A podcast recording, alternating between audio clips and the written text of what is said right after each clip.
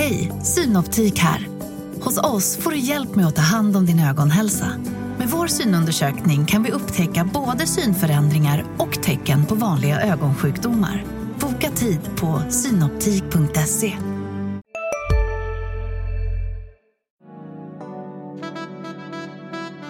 Du lyssnar på en podd från Närkes Allehanda.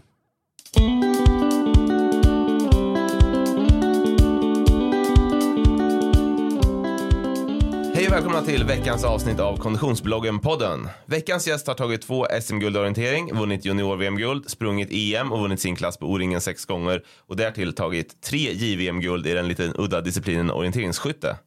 Men Andreas Svensson, vad är det längsta du har sprungit? Eh, ja, jag är inte någon riktigt långdistanslöpare men eh, jag tror att det är någonstans runt 27 kilometer kanske. Ja. Jag gjorde det en gång. I vilket sammanhang? Vi körde någon hemlängtan, tog tåget till Kållered tror jag och sen sprang vi hem på en Ja. led. Men eh, jag hade ont i knäna i två veckor efteråt så att eh, jag undviker långa distanser. All right, all right. Eh, du kör inte ultradistans heller i orienteringen eller? Eh, jo, jag sprang ändå ultralången. Ja. Men eh, det funkar ändå. Det är inte så mycket eller så långa kilometrar. Nej, det är mer att det tar lång tid för att det, Ja, exakt. det är orientering. Ja, vi ska prata om din bakgrund om en stund, men eh, var befinner du dig just nu? Du, jag vet att du kommer från träningsläger precis.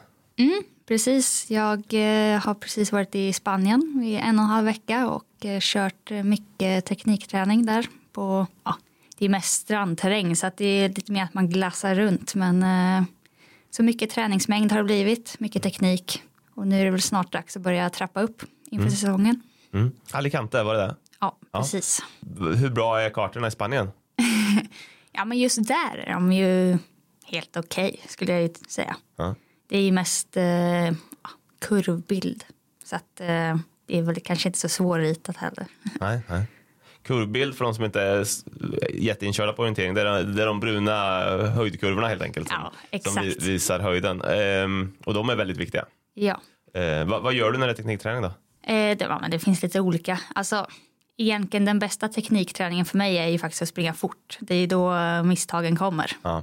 Eh, Orientera i hög fart. orientera i hög fart. Ja. Exakt. Ja. Men, men lägg, när man gör en orienteringsträning på det sättet, lägger man upp en bana som en tävling eller gör man helt annorlunda saker? Men man kan göra lite olika saker. Dels kan man lägga upp det som en eh, tävling. Just för att få det momentet. Men sen finns det ju massa olika. Att man tar bort saker från kartan bara för att specifikt läsa på en sak. Eller den klassiska korridoren. Att man ska hålla sig en väldigt tunn strimla genom liksom kartan. Så får man antingen jobba med kompass eller jobba mer med att läsa specifikt på kartan. Ja, det finns lite olika sätt att träna själva orienteringstekniken då. Precis. Och då ser man med GPSen i efterhand om man, om man sköter sig i korridoren där. Ja, precis. Det är ungefär en månad kvar till Swedish League-premiären när vi spelar in det här. Det är inte riktigt klart när, hur långt det är klart när, när det sänds. Det, det återstår att se. Men, men eh, den går i varje fall i början av april där. Hur har vintern varit hittills? Känner du dig laddad? Är det, kommer den för tätt på premiären eller eh, känns det långt fram? Eh, nej, det känns eh, långt fram. Jag är en sån som börjar tävla väldigt tidigt. Så att, eh, i vanliga fall hade jag gärna sprungit Hallandspremiären just den här helgen. Men eh, jag håller mig lite den här gången. Just för att eh, det är mycket som står på spel där på den första Swedish League-tävlingen. Så att det är väldigt mycket fokus på just den. Ja, ja. För det är, det är ju, du tillhör utvecklingslandslaget nu. Men, men det betyder inte att man är liksom garanterad att få komma ut och springa mästerskap. Du sprang EM i fjol Ja, och jag antar att du, du har siktet högt ställt och då kommer de här tävlingarna i Valdemarsvik går de premiären. mm, precis. Då, då blir de väldigt viktiga om man ska ta sig ut på, på världscupen. Ja, det är ju, Valdemarsvik är ju uttagningstävling för världscupspremiären i Östfold som är bara är två veckor efter den helgen. Och sen blir det egentligen att det ena bygger på det andra så att det gäller att vara med från början. Ja, precis. Eh, Och, och vad är det stora målet med säsongen då? För det går ju ett, det går ju ett eh, skogs-VM i Schweiz och sen kommer det ett sprint-EM. Ja, Jag har ju en liten dröm om eh, en VM-biljett. Sen är den eh, otroligt svår att springa till sig. Ja.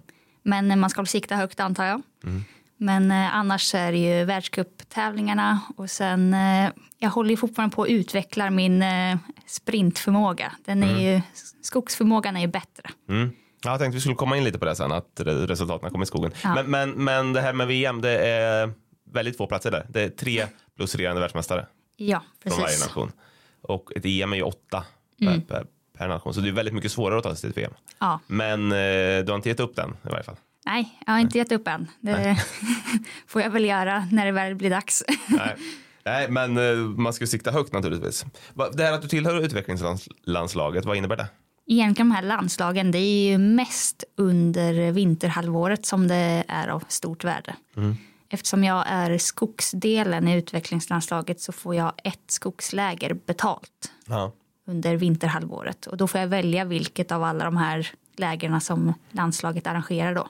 För A-landslaget, de åker på fler. Ja, jag får ju åka med på alla men då får jag ju betala själv. Okej. Är det där ni var på Alicante nu eller var det, var det med någon annan grupp? Nej, det var eget. Ja, det var eget. Ja. Yes. Vart har du varit då med landslaget? Ja, vi var ju i Halmstad Ja, okej. i januari. Exotiska Halmstad. Ja, Ja. otroligt. Det var ju hela två timmar från Göteborg. Så att, eh, Ja. Men- Va, vad gjorde ni där då? eh, det var fokus på eh, ja, men, försöka få lite backar. Det finns ju ändå lite kontinentalterräng där, om man ska säga. Lite mer lövskog, den karaktären. Men annars, det var mest eh, ja, men få bra orienteringsträningar och det är väl att träffa varandra också under vinterns gång. Få, få lägerkänslan. Klara ner från snö i varje fall eller? Ja, det var en liten, liten skvätt. Ja. Sådär fem centimeter något sånt. Så att den påverkar inte så mycket faktiskt. Nej. Ja. ja, men det var ju skönt i varje fall. Då. Ja. Och svenska landslagen de är ju rätt stora. Jag räknar på det. Det är 16 stycken löpare i A-landslaget och eh, 17 tror jag i B-landslaget, eller Mm. utvecklingslandslaget. Det är, och det är väldigt hög klass på många. Det är många som slåss om de här platserna. Är, Ja. Svensk orientering är bra just nu. ja, det finns ju många fler som inte är med också som man skulle kunna, ja, som jag själv ser som stora hot när jag tävlar. Så att eh, det finns många bra där ute. Mm, mm. Ja, verkligen. Du, inför förra säsongen blev du också uttagen till Göteborgs elitidrottsprogram High Performance. Mm. Pågår det här fortfarande eller? Ja, eh, det var för för en tvåårsperiod som man blev uttagen till det. Och Vad innebär det då? Ja, men det är väldigt mycket att man får det här extra stödet. De startar lite för att de vill att även individuella idrottare ska ha samma slags stöd som lagidrottare har. Så att de tog lite inspiration från ja, Frölunda hockeylagen som finns där. Och det är egentligen att dels får vi en summa pengar för att kunna åka på träningsläger. Men sen får vi också tillgång till ja, fysio, idrottspsykologer. Vi kan göra olika tester, sådana VO2 max, hjärtscreening, kost, eh, kostrådgivning. Allt det här lilla extra stödet som, som man kanske inte tänker på att man behöver men som när man väl får chansen att testa på det att det är väldigt värdefullt. Ja, ja. Det låter ju nästan lite som om när man är med SOKs topp och talang där inför ett OS, liksom, att eh, Ja. man får alla de här eh, funktionerna vid sidan om som är väldigt viktiga som elitidrottare. Precis, ja, men jag, jag tänker att det påminner om det. Ja. Ja, Har du utnyttjat det här då? Eh, ja, jag, jag är en skadebenägen person så eh, jag har varit eh, många besök hos sjukgymnasten och fått olika slags stötvågsbehandling och sånt. Även bara om jag har känt någonting lite grann. Ja, ja. Innan har det varit så här att när jag inte kan springa längre, då har jag tagit kontakt. Jag förstår, som, som, de, som de flesta kanske tyvärr gör. Ja, Men nu precis. har du varit lite mer proaktiv. Ja, exakt. Mm, mm. Bra, bra. Ja, vi pratade om Göteborg här, Göteborgs elitidrottsprogram sa vi och du berättade förut att du hade åkt till Kållered och sprungit hem. Eh, så vi får ju berätta att du bor i Göteborg, men du kommer från Finspång från början. Ja, precis. Ja. Och så har du i många år tävlat för OK Tisaren, det är därför du sitter här och pratar Ja. idag. Eh, Hallsbergs och Kumlaklubben. Var det så att du kom in på eh, orienteringsgymnasiet där? Var det så du hamnade i Mm. Hallsberg? Precis, så eh, det var väl tio år sedan tror jag som jag började i Hallsberg och Finspång hade ju inte direkt så mycket stafettlag så att jag tänkte att det var rätt väg i utvecklingen och även byta till Tisaren och börja springa där. Mm, mm. Så det är kopplingen hit och då bodde du de här tre åren i, i Hallsberg? Eller? precis. Så tre år gick jag på Alléskolan i Hallsberg. Mm, mm. Och sen har du flyttat vidare till Göteborg för att plugga? ja, precis. som det, som det brukar bli. Men du, att du väljer att springa kvar för Tisaren då? Att du inte har hittat någon? För det finns några bra klubbar där nere med IFK Göteborg bland annat. Ja, jo, det, det finns ju alla möjligheter att byta klubb egentligen. Men eh, jag tycker att eh, det är ett väldigt bra gäng i Tisaren och de ordnar alltid så att eh, ja, men, mina resor funkar bra. Och sen är det lite så att Göteborgsklubbarna har tillräckligt med löpare så att de behöver Mm. inte många fler tänker jag. Nej, men det är viktigt att man har stöttning från sin klubb. Liksom. Det är väl Ja. A och O. Precis. Så, ja. Och i Tisaren har ni varit väldigt bra gäng med bland annat du och systrarna Kärnlund och, Mm. eh, och Lilian Forsgren Ja. och några till riktigt bra Mm. damlöpare. Ni hade ju Simone Nigli en sväng också.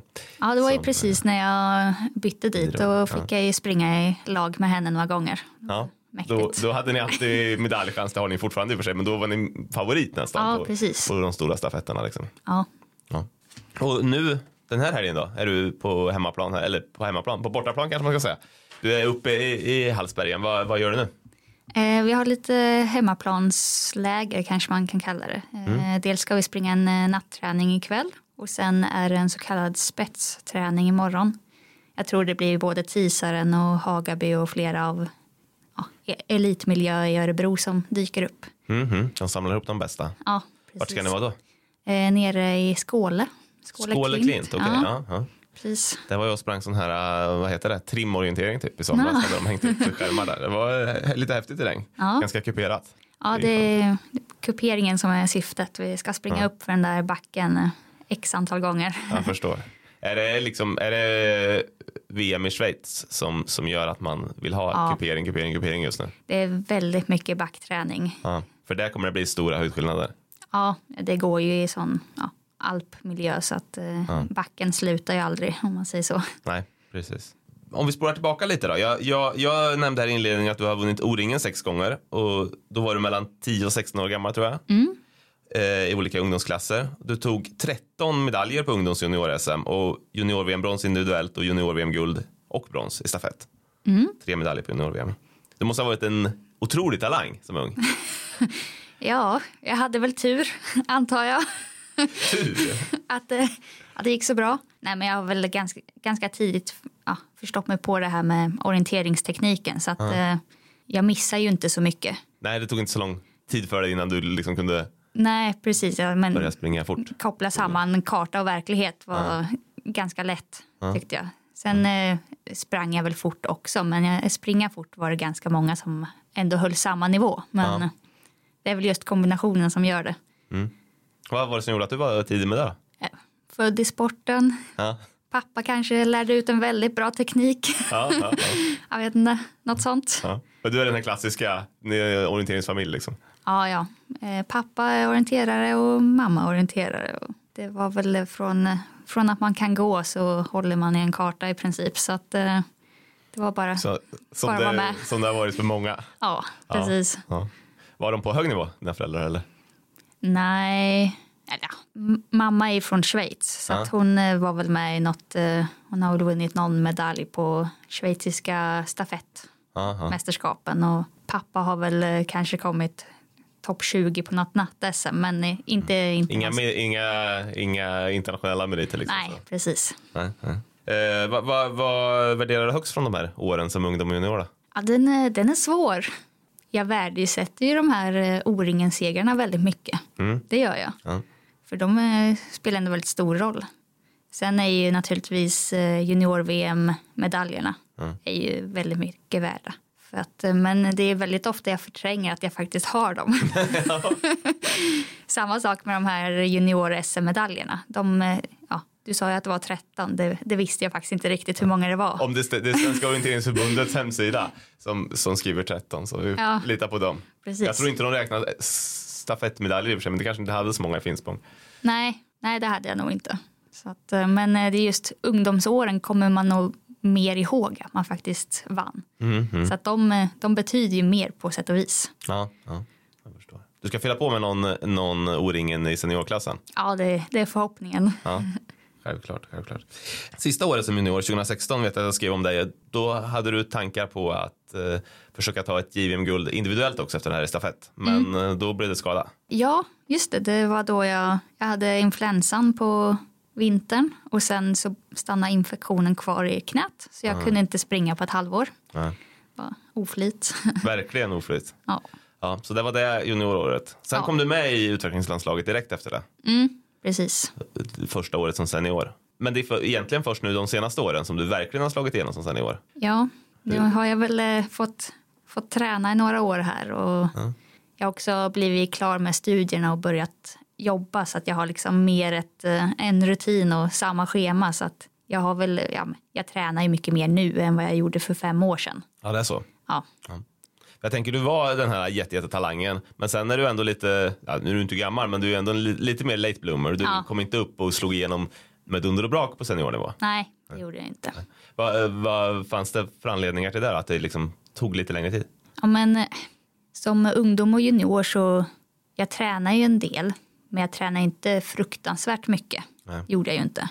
Och jag hade lite svårt att motivera mig till träning också. Speciellt då där när jag kom upp i senioråren, behövde springa en långdistans på 90 minuter. Jag orkar helt enkelt inte. Nej. Och då blir det också när man har vunnit allt innan så blir det ett himla bakslag. Ja, det är klart. Det, det är inte så kul för tillfället. Så att, eh, det var några år där som jag faktiskt inte... Ja, jag tränar ju och jag kommer fortfarande topp 20 på Swedish League så det är bra. Men eh, jag tog inte det där extra steget. Nu när jag har märkt att det börjar gå bättre och bättre då är det lättare också att träna mer. Ja, såklart. Men det var liksom inte sådär att du funderar på vad håller jag på med det här för? Ska jag fortsätta med orienteringen? Nej, för att eh, det är fortfarande att jag har den här vinnarskallen. Så att jag, jag älskar ju att tävla. Så att jag sprang i sådana här små tävlingar. Och de vill jag ju fortfarande vinna. jag hatar ju att förlora. Så att eh, det, efter ett tag insåg man ju att jag behöver ju träna för att faktiskt vinna.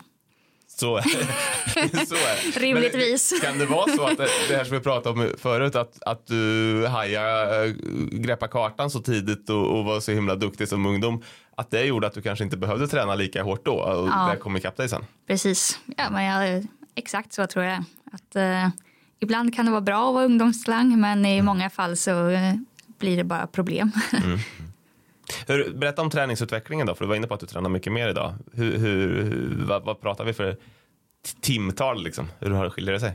Eh, ja, men innan där, eller tidig senior, så hade jag av princip av att jag inte tränade alternativträning utan jag sprang bara. Men eftersom jag var halvskadad hela tiden kunde jag inte springa så mycket. Så att då kanske det blev sex timmar i veckan. Nu eh, tränar jag väl det dubbla, ungefär 10 till 12. Mm. Och hur fördelar du den då? Det blir ganska mycket alternativträning. Alltså jag står mycket på crosstrainer, kör en del trappmaskin. Och sen så är det just att alla högintensiva pass springer jag. Ja. Så Det, det är mängdträningen som du förlägger Ja, på lite annat. ja precis. Roddmaskin kör du inte som Martin Regborn? Nej, den... Eh, eh, ja, jag har väl testat på i fem minuter eller något sånt. men eh, inte mer än så. Nej, nej. Nej, den, den kanske i och för sig lämpar sig bäst till, till det högintensiva med. Det, det är trist att sitta och ro långsamt. Ja, men det är ju fruktansvärt jobbigt när Ja. man väl tar i. Ja, ja, det är det jag menar, så det blir liksom inte lågintensivt Nej, på det sättet. Eh, 2021 får man väl säga att du fick eh, ditt stora genombrott. Då sprang du väldigt bra i uttagningstävlingar och fick debutera på världscupen i Idre. Och blev tia direkt i världscupen. ja, ja, väldigt passande. Ja, exakt. Berätta om, om, om den sommaren där, för det måste ju ha varit väldigt roligt efter de där åren. Eh, ja, ja, det var ju precis efter pandemiåren där. Så att man, man visste ju egentligen ingenting om status på andra löpare. Nej. Givetvis visste man att ja, men, Tove lär vara bra och alla som man eh, brukar vara bra är bra. Men så var det just, så sprang jag med de där uttagningstävlingarna. Hej, Ulf Kristersson här. På många sätt är det en mörk tid vi lever i. Men nu tar vi ett stort steg för att göra Sverige till en tryggare och säkrare plats. Sverige är nu medlem i Nato. En för alla, alla för en. Vi är specialister på det vi gör, precis som du. Därför försäkrar vi på Swedea bara småföretag, som ditt.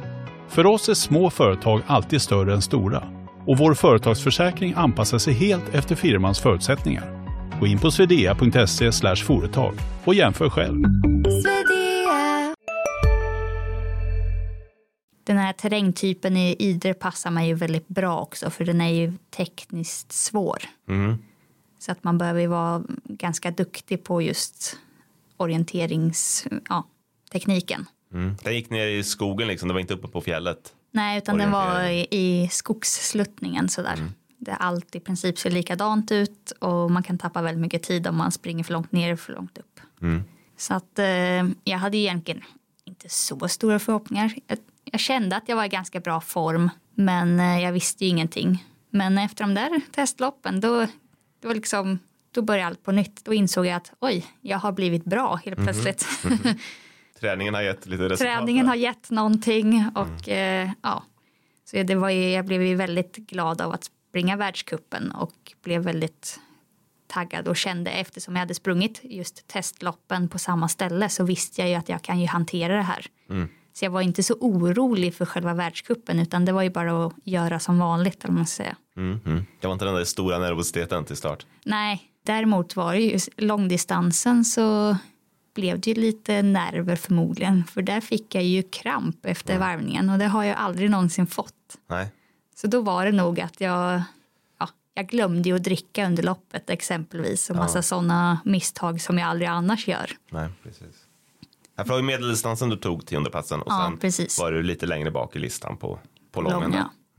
Så ja, till medeldistansen skärpte jag ju till mig Mm. och tänkte att nu gör jag precis som vanligt så går det nog bra. Exakt. Och sen efter det så, så fick du en plats i utvecklingslandslaget som vi pratade om där som du nu har för andra året i rad. Då. Mm. Eh, och då fick du göra mästerskapsdebut på EM. Mm. Hur var det? Ja, men det var kul. Eh, det blev lite... Jag var ju reserv innan.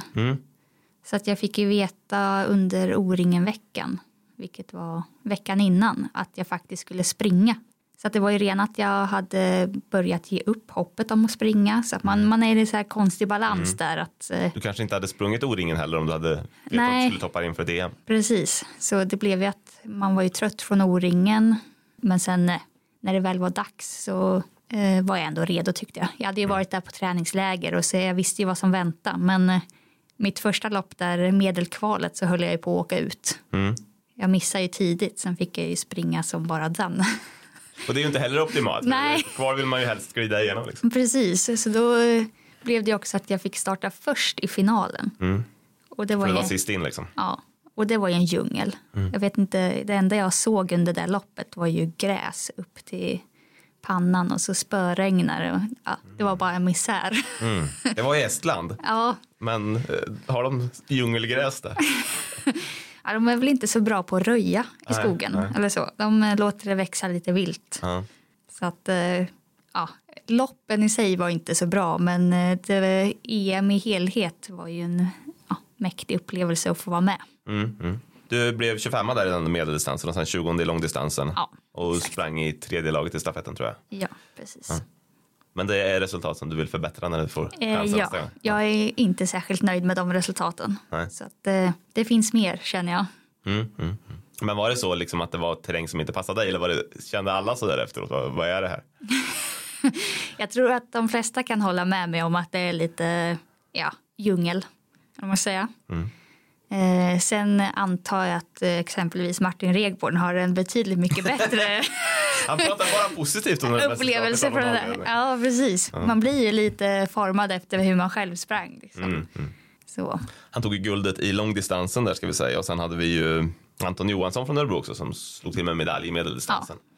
Så det var, det var ett bra mästerskap för länet, åtminstone för herrarna. Ja, precis. Och det var du och eh, Josefin Kärnholm var också med i. Ja, och Elinor kanske också. Elinor blev också inkastad Ja. i sista sekund. Precis. Det var många återbud där, det där EMet. Så att, Ja, så det var ett helt gäng tisaren Mm. löpare där. Eh, I år är det som vi var inne på sprint-EM och skogs-VM och sprinten passar dig sämre. Ja, generellt. Men ja, det är väl mest att jag tränar ju sällan sprint. Så att det blir att jag kör i sprint när det är tävling. Mm. Och jag har ju insett nu att eh, det finns en hel del teknik som man behöver applicera på specifikt sprint. Ja. Man kan inte bara köra och tänka att det löser sig. Nej. Så att det är ju, om, om jag bara får eh, köra fler träningar med sprint så skulle jag ju tro att jag ändå skulle kunna bli bättre ganska snabbt. Ja, ja. Sen eh, blir jag nog inte riktigt en eh, topplöpare för att jag har inte riktigt samma hastighet när det kommer till asfaltslöpning som en del andra. Men Nej, för det är det, de som är liksom världsklass i sprintorientering, de är ju sjukt snabba. Ja. löpare liksom. Precis. Så vi, jag hade ju med Jonathan Gustafsson här i podden för ett tag sedan och han tar ju har ju tagit SM-medalj två år i rad på 3000 3000 meter så, så han är ju liksom verkligen topp och han tog uh, VM-brons då i, i knockout Ja, precis. Men vad, har du liksom lagt om din träning på något sätt för att göra det bättre i sprinten just det här året? Eller hur tänker du Eh. kring, kring årets upplägg? Nej, jag sparar på den tills eh, efter O-ringen tänker jag. Då får jag väl sadla om till sprint lite mer. Ja. och försöka kvala till EM. Det är ju ändå åtta platser så att möjligheten finns ju. Exakt. Jag var ju, jag var ju reserv till Borås världscupen förra året så att jag är ju där någonstans strax Precis. bakom. Så att eh, det, det blir till senare delen på året. Mm, mm. Ja, som du var inne på så har du, har du ju fortfarande också möjligheten till ett VM och då är det ju i skogen. Så man får, och VM går före, VM går mitt i sommaren och sen kommer EM på höstkanten. Så det, man får ta en sak i taget. Ja, precis. Om vi ska gå in lite mer på din träning då. Hur ser dina orienteringsträningspass ut när du är på hemmaplan? Liksom? Vad, eller dina löppass, gör du allt i skogen eller hur funkar det? Eh, nej, men jag blandar lite. Eh, men jag försöker ändå köra ganska mycket av mina ja, priopass på småstig i alla fall. Ja.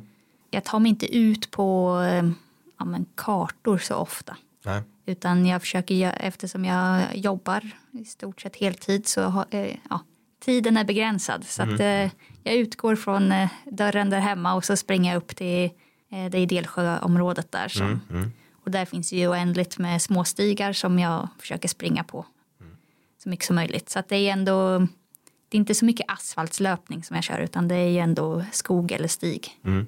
Och det är även när du kör dina liksom, hårda intervaller och så vidare. Ja, då försöker jag specifikt hitta någon eh, ja, stigrunda eller ibland lite grus för att få mixen. Behöver jag ändå få upp farten. Det är, gan- i, I vissa delar av ett orienteringslopp så kan det bli att man ska mala grusväg i två kilometer innan man hoppar in i skogen igen. Så man behöver ju mixen. Ja, ja. Men det är väldigt olika från, från orienterare till orienterare. Va? En del springer eh, liksom, löpan till och med eller eh, asfalt när de gör sina hårda Ja. liksom, eller löparbana. Precis. Nej, jag försöker hålla mig borta från löparbanan och asfalten så mycket som möjligt. Jag har kört lite löpband nu faktiskt under vintern när det är eh, isigt ute. Mm.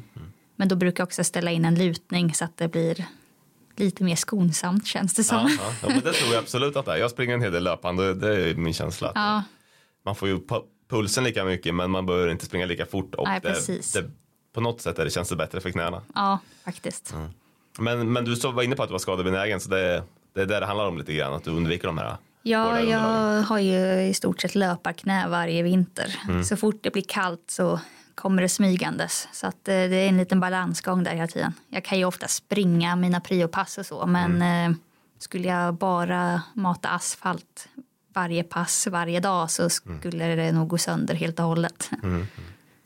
Löparknä är något som många motionärer dras med. Liksom. Ja. Det är ju en, klassisk ska- skada. Men, men, eh, men som elitlöpare har man inte lika mycket, ofta om det. Men det finns liksom ingen riktig bot utan det, man får mm, avlasta träningen. precis. Det är ju egentligen, man är lite svag runt knäna. Mm. Och eh, i mitt fall var det att eh, ja, men, mitt knä är lite, lite inåt när jag springer och då Mm. blir man ju sakta men säkert blir man ganska trött i muskelfästena där på utsida knä. Mm.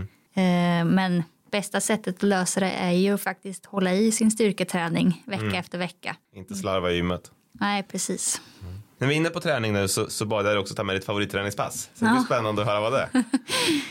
Eh, ja, jag har ju en eh, standardrunda där hemma i Göteborg som jag alltid kör. Så, fort, så fort jag behöver köra någonting utan att tänka så det är, en- jag springer upp på Getryggen heter det Mm, mm. och runt Västra Långvattnet. Här är det fint. Ja, man, eh, man springer ju uppe på en ås på en väldigt smal slingrig stig Mm. och så ser man ner över Göteborg och så passerar man lite sjöar och sånt. Mm. Det är när det är fin natur som de bästa passen är tycker jag. Men där springer du inte, då, då springer du inte stenhårt utan Nej, då det springer jag lugnt. lugnt Det pass. är lugnt och skönt och det är bara, bara njutning. Ja, ja, ja. ja men sådana pass kan man också. Jag var med på, på ett lopp som hette Activitus Trail Race i Göteborg en gång. Aha. Man springer eh, det är 100 miles och 16 mil. Man springer en slinga. Då, då kommer man över där jättefint Ja. tror jag. Det känns som eh, så fort det är något slags trail-lopp i Göteborg så passerar man nog getryggen förr Ja, eller precis. senare. Det, är, det är väl så att det är finaste biten liksom. Så Ja, det måste precis. man lägga in på sitt trail-lopp. Ja. Så är det. Ja, ko- på tal om trail-lopp så, så kollar jag lite i, i eh, listorna och jag, jag hittar inte dig i så många rena löplopp som många andra orienterare. Nej, Jag letade och hittade en. 2021 blev du tvåa bakom min idol Jojje Bolin i Yxbacken Extreme Challenge i Ah. Norrköping. precis. Annars så springer du bara med karta i hand eller? Ja, det brukar bli så. Jag skulle faktiskt vilja springa fler löplopp men eh, dels är jag så dålig på att leta upp när det faktiskt är löplopp och sen är de väldigt ofta att de krockar på ett eller annat sätt med vi har ju en hel del orienteringstävlingar om man säger så. Säsongen är redan smäckfull. Ja. Men eh, den där yxbacken var väldigt lämplig. Det var ju, jag hade blivit reserv till världscupen i Italien och så fick jag inte åka dit. Och då var det de som arrangerade loppet, de är ju från Finspång. Mm. De brukar nämligen höra av sig lite då och då när de har ett lopp. Så Ah. vill de att jag ska komma och springa. Ja, ja kul. Så då passar jag på. Och vad- vad gick det ut på då? Det var, för det var nog som varvhistoria. Ja, det är den här slalombacken där strax utanför Norrköping. Så skulle man springa, vad kan det ha varit, fyra varv kanske. Det blev väl sex kilometer totalt och x antal höjdmeter så att det var ganska jobbigt. Eh, Men jag fick ju stryk där som sagt. Så att, eh, Ja men Jojje hon är duktig. ja. Hon har, hon Ja, Jag, fina jag misstänkte det för hon var, jag hade inte en chans. Nej, nej. Du får kolla in henne på Instagram och kör sjuka, sjuka träningsmängder. Ja. Eh, en häftig, häftig löpare och crossfittare tror jag hon är också. Ja, Men, men andra, andra, en del andra orienterare, typ Regborn som vi pratade om förut och, och Jonathan Gustafsson, de, de tävlar ju verkligen eh, en Mm. hel del i, i, i ren löpning. Men det handlar väl om vad man prioriterar också för man kan ju orientera varje helg.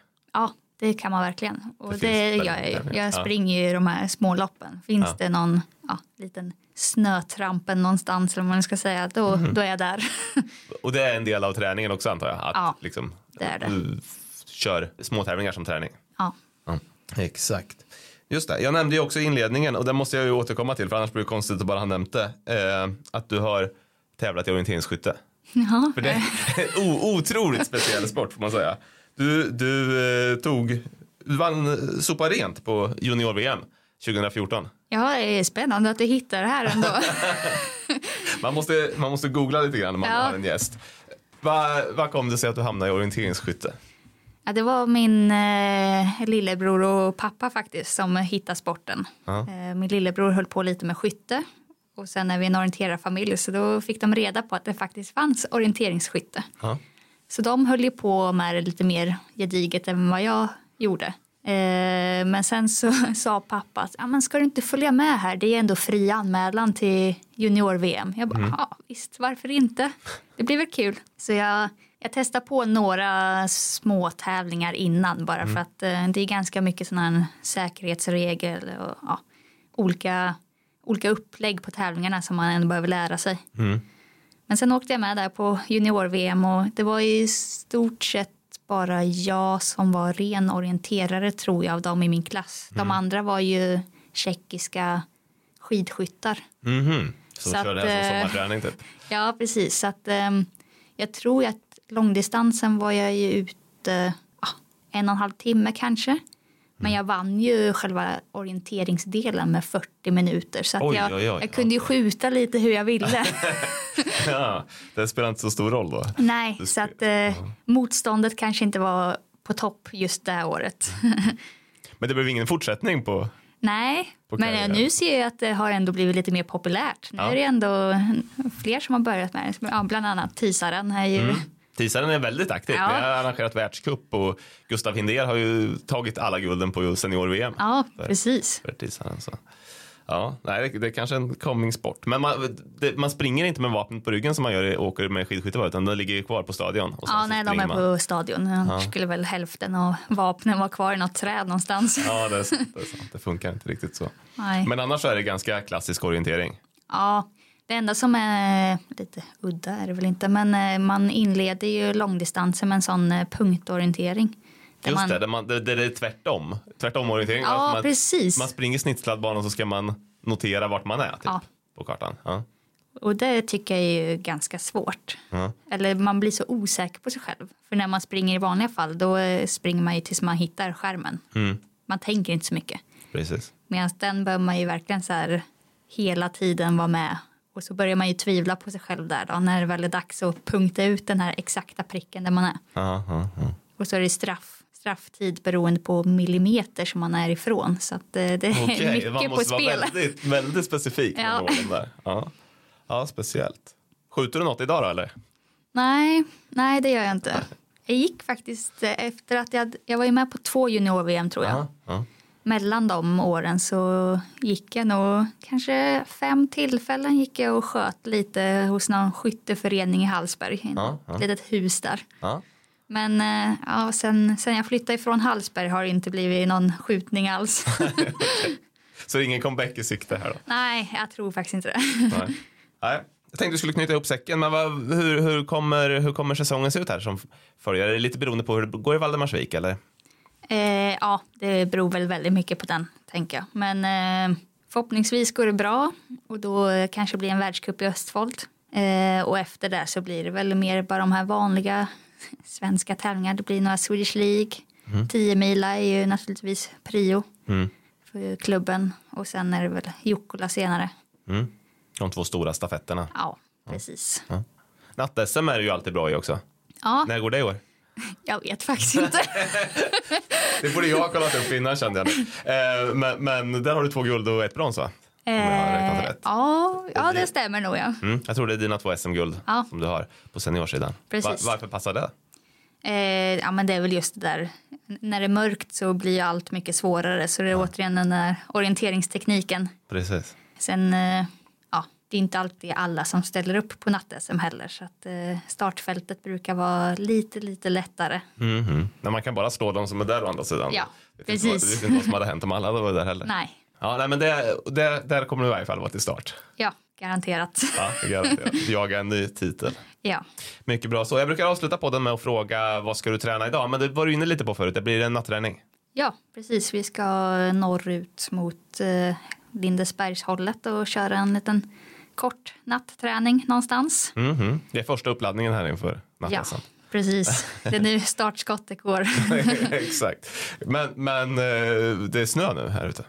Hur Ja. blir det? Ja, det blir ju kallt och så. Men eh, det ska nog funka bra, tänker jag. Mm. För orientering ställer man in tävlingar när det är snö. Ja, det blir ju spår, så det blir ju inte det är som en snitslad bana till slut. Ja, precis. Men, men träna kanske funkar. Ja, i alla fall om man springer lugnt, då spelar inte så stor roll egentligen. Nej, Nej precis. Nej. Det är som sagt bara träning. Så. Ja, exakt. exakt. Och sen blir det, blir det söderut imorgon då. Ja. Mycket bra så. Stort tack för att du kom hit, Andreas Svensson. ja, tack själv. Och vi i podden, vi hörs nästa vecka.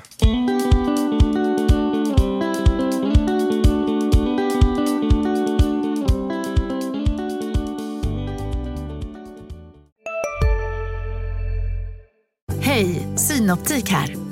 Livet med glasögon ska vara bekymmersfritt. Därför får du 30% på alla glasögon när du väljer Synoptik All Inclusive. All service ingår alltid. Välkommen till Synoptik. Big Mac har miljarder fans över hela världen. Under mer än 50 år har den skapat popkulturell historia. En legend med 100% nötkött och den mytomspunna såsen. Nu finns Big Mac för bara 39 kronor på McDonalds.